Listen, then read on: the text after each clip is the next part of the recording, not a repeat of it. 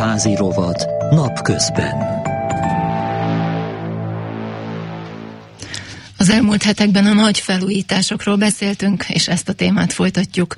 A múlt heti felvezető riportunk egy technológiai újdonságról szólt, arról beszélgettünk Molnár Attillával, a Panel Kft. ügyvezetőjével, miként lehet a csőhálózatot néhány nap alatt felújítani falbontás nélkül. Ma ezt a beszélgetést folytatjuk a finanszírozás oldaláról. A riporter Herceg Tibor. Társasházaknál problémaforrás lehet az, hogy hányan szavazzák meg az ilyen átalakításokat, illetve a finanszírozás. Mi a tapasztalat? Van-e arra valami fajta megoldás, hogy ez létrejöhessen? Hogy szokták megoldani azokban a társasházakban, ahol működőképes a közösség? Nagyon szerte ágazó. Amivel országos szinten dolgozunk normál időszakban, amikor lakógyűléseket lehet tartani, éves szinten egész magas számú 30-40-50 lakógyűlésen veszek részt. Az anyagi finanszírozása természetesen ismerve a társasházak jelen pillanati anyagi helyzetét, tisztában vagyok azzal, hogy nagyon-nagyon-nagyon kevés társasháznak van arra pénze, hogy egy teljes csatornarendszer, teljes ejtővezetékrendszert eh, felújítasson A-tól Z. Viszont eh, pont ezért gondolkodunk úgy, és egy óriási terhet vettük a nyakunkba, de nagyon nagy kihívás is egyúttal, hogy prevenciót erőltessük Magyarországon, a társasházaknál ebben a szegmensben is, mert csak úgy tudunk, és meg vagyok róla győződve, hogy csak úgy tudnak gazdaságosan, hosszú távon működni, hogyha ebbe az irányba mennek. Nagyon nehéz hozzáteszem.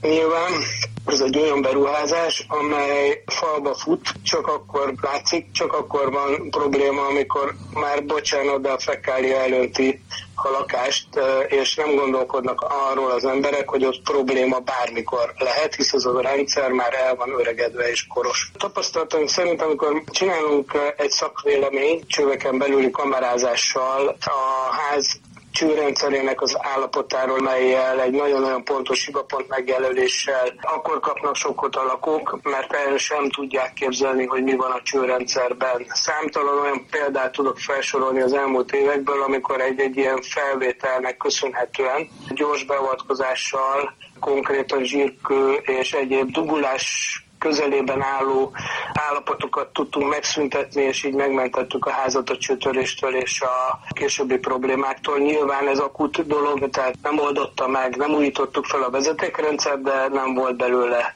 probléma.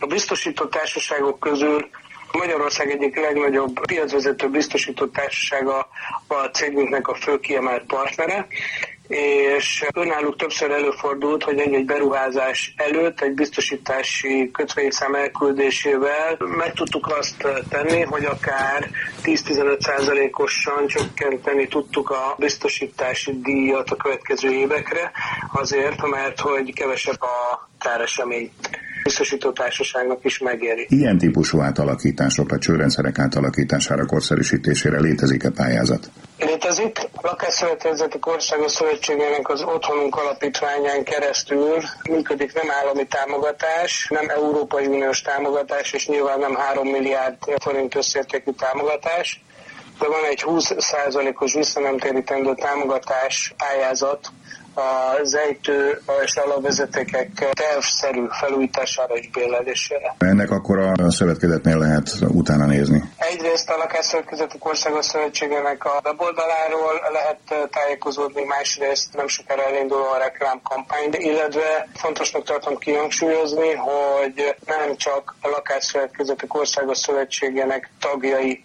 vehetnek részt ezen a pályázaton, hanem társasházak is.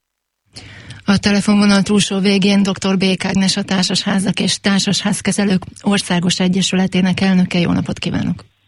Jó napot kívánok, üdvözlöm a hallgatókat! Kezdjük először egy országos körképpel. Most milyen állapotban vannak a 30-40-50 éve épült lakótömbök társasházak? Mi a tapasztalat? A legnagyobb problémát elsősorban valóban a vízvezeték és a csatornarendszer vezetékei okozzák. Ezek azok, amelyek az akkori technológiának megfelelően épültek, azonban ez a mai életvitelnek már nem nagyon felel meg, és rengeteg a meghibásodás. A legnagyobb probléma az, hogy ezek mindig egy-egy lakásnál kerülnek csak kijavításra, és a következő három hónapban egy másik lakásnál fog újból ugyanez a probléma előfordulni. Tehát valóban itt a megoldást az jelenteni, hogyha egyszerre lehetne az egész strangot úgymond a tetőtől talpig kicserélni, és új vezetékeket behelyezni. Ez viszont nagyon költséges.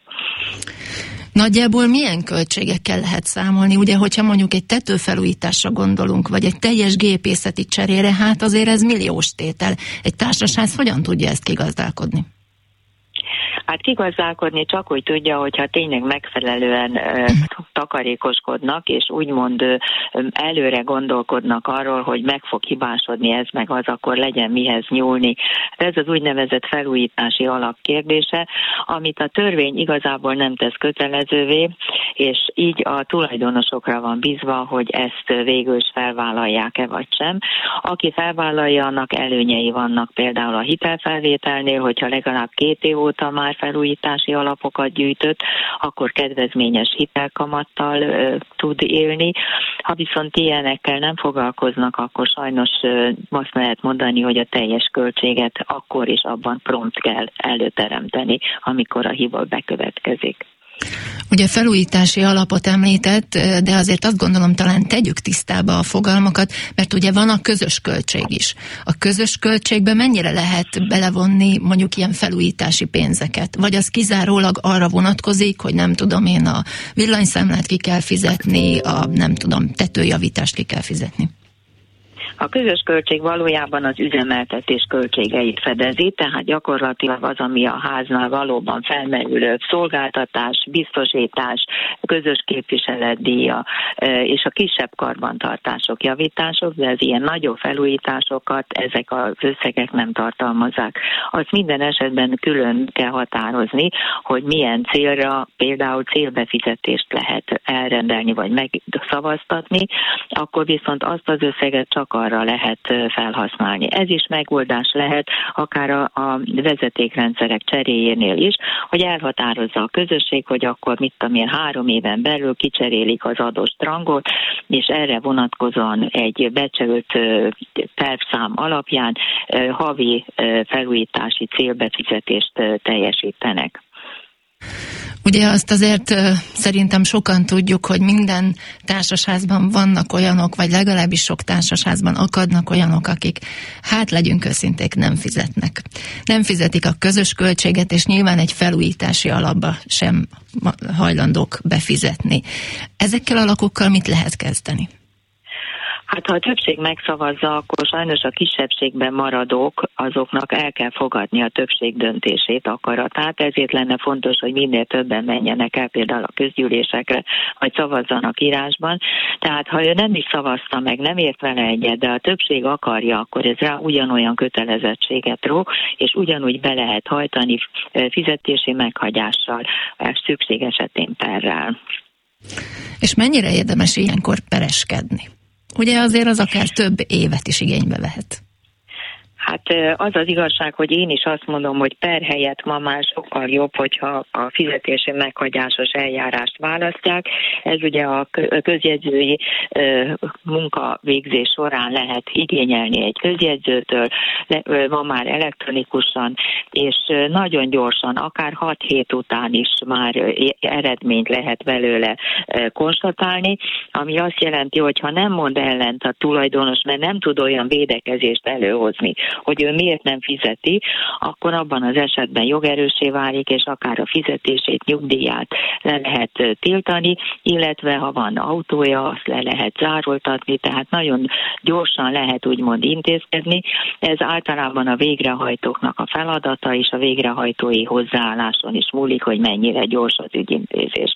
De nem menekülnek meg úgymond a fizetési kötelezettség alól azok, akik nem vesznek részt az ilyen felújításokban, de a többsége ezzel egyetértett és megszavazta.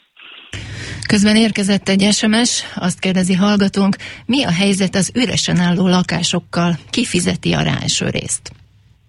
Az üres lakásnak is van tulajdonosa, tehát ilyen esetben sem azt jelenti, hogy akkor az úgy elveszik a ködben, meg kell keresni a tulajdonost, hogyha ez az önkormányzat, akkor az önkormányzatnak kell ugyanúgy fizetni. Ha más tulajdonos e, valahol létezik, él, akkor annak kell ugyanúgy helytállnia. Tehát az, nem az ott lakás miatt kell fizetni, hanem a tulajdonjog miatt. És érkezett még egy kérdés is, azt kérdezi hallgatónk, mi a helyzet azzal a befizetett összeggel, aminek a tulajdonosa eladta a lakást, de még nem használták fel a pénzt? Visszajár-e? Nem jár vissza, mert ez gyakorlatilag az adott társasházi döntés és az adott társasházi közös költség, a közösség tulajdonába kerülnek ezek a célbefizetések, és azok jogosultak felhasználni. Ha őt ez zavarja, vagy úgy gondolja, hogy ez így nem igazságos, akkor a vevőjével szemben érvényesítheti ezt, tehát annyival többé adja el, mert azt mondja, hogy ő már helyette befizetett x forint felújítási alapot, ami majd ő fog élvezni, ezért a vétel árat ennyivel meg megemeli. Ugye a bejátszónkba szóba került az is, hogy akár egy társasház biztosítási díja is csökkenhet, hogyha például megerőző beruházásokat eszközölünk. Milyen esetekben érdemes ezekkel a lehetőségekkel élni? Hát természetesen az ilyen csőtöréseknél, mert meg lehet nézni egy kártörténetet egy társasháznál, hogy melyek voltak az utóbbi öt évben jellegzetes káresemények, és ha annak a kiküszöbölésére a társasház intézkedést tett, vagy határozatot hozott, és ki is javította ezt a problémát, akkor lehet tárgyalni a biztosítóval, hogy miután kiküszöböltük ezeket a hibaforrásokat, ennek alapján engedjen a biztosítási díjból. De ezt nyilván a társasháznak is bizonyítani kell, hogy megtette azokat a szükséges intézkedéseket, amelyek esetleg eredményezhetik az engedményt. Milyen pályázatok, pénzügyi lehetőségek állnak rendelkezésre, amivel mondjuk a, a lakóközösség egy valamelyest tudja csökkenteni a saját önrészt? Hát elég szűkösek ezek a lehetőségek. A legtöbb esetben a helyi önkormányzat ír ki pályázatot, és a pályázatokon meghatározza, hogy milyen munkálatokra biztosít támogatást, de azért ezt nem úgy kell gondolni, hogy odadja a pénzt, és semmi kötelezettség nincsen. Nagyon pontos előkészítés szükséges, általában meg kell, be kell mutatni, hogy mit tett a társasház, hogy milyen terveket készített, milyen költségeket, és általában ezek úgymond kamatmentes hitelek, tehát a támogatási rész az általában elég csekély, pár százezer forint, amit nem kell visszafizetni, a többit viszont részletekben kamat nélkül ugyan, de vissza kell téríteni az, az adott önkormányzatnak. És akkor egy picit beszéljünk a megelőzésről, vagy a folyamatos karbantartásról. Mondjuk, hogyha egy társasház egy akár több éves nagyszabású felújításban gondolkodik, akkor hogyan érdemes felépíteni a felújítást? Nyilván mindig az akut problémákkal kell kezdeni, tehát ha nagyon sok helyen beázik a tető, akkor lehet, hogy a tetőt érdemes kicseréltetni. Ez így van, tehát egy nagyon alapos felmérés szükséges a társasház állapotáról, és annak alapján jó lenne ütemtervet készíteni arra, hogy melyik lesz a legfontosabb, melyik következik, és hogyan lesz az egymásra építettség.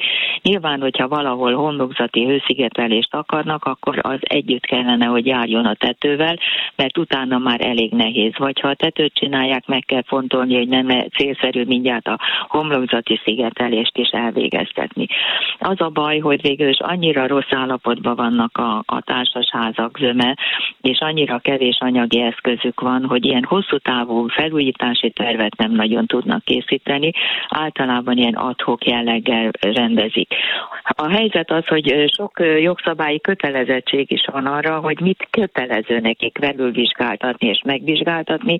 Ilyen például a, a, az áramellátás, tehát az elektromos vezeték felújítás, ez hat évenként például felül kell vizsgáltatni, és ha a szakértő megállapítja, hogy ezt el kell végezni a hibákat, ki kell javítani, akkor bizony azokat előre kell sorolni. Vagy volt ilyen, ö, ilyen kampányszerűen szinte a gázhálózat vezeték felújítása, ahol végül is egy ellenőrzés során megállapítják, hogy nem megfelelő már a gázhálózat vezeték rendszere, akkor bizony ezeket előre kell sorolni. Tehát a felülvizsgálatok, a kötelező felülvizsgálatok is adnak plusz kötelezettséget arra, hogy mit kell a felújításba előrevenni és besorolni és elindítani. A lakóközösségek egyébként mennyire vannak tisztában azzal, hogy például egy rossz villamosvezetékhálózat, egy rossz gázvezetékhálózat mekkora veszélyeket rejt? Sajnos nincsenek igazán tisztában. Találkoztam én olyan gyakorlattal, hogy nem a közös képviselet előterjesztette, hogy el kell végeztetni, és azt mondták, hogy ez most nem fontos, nem szavazták meg.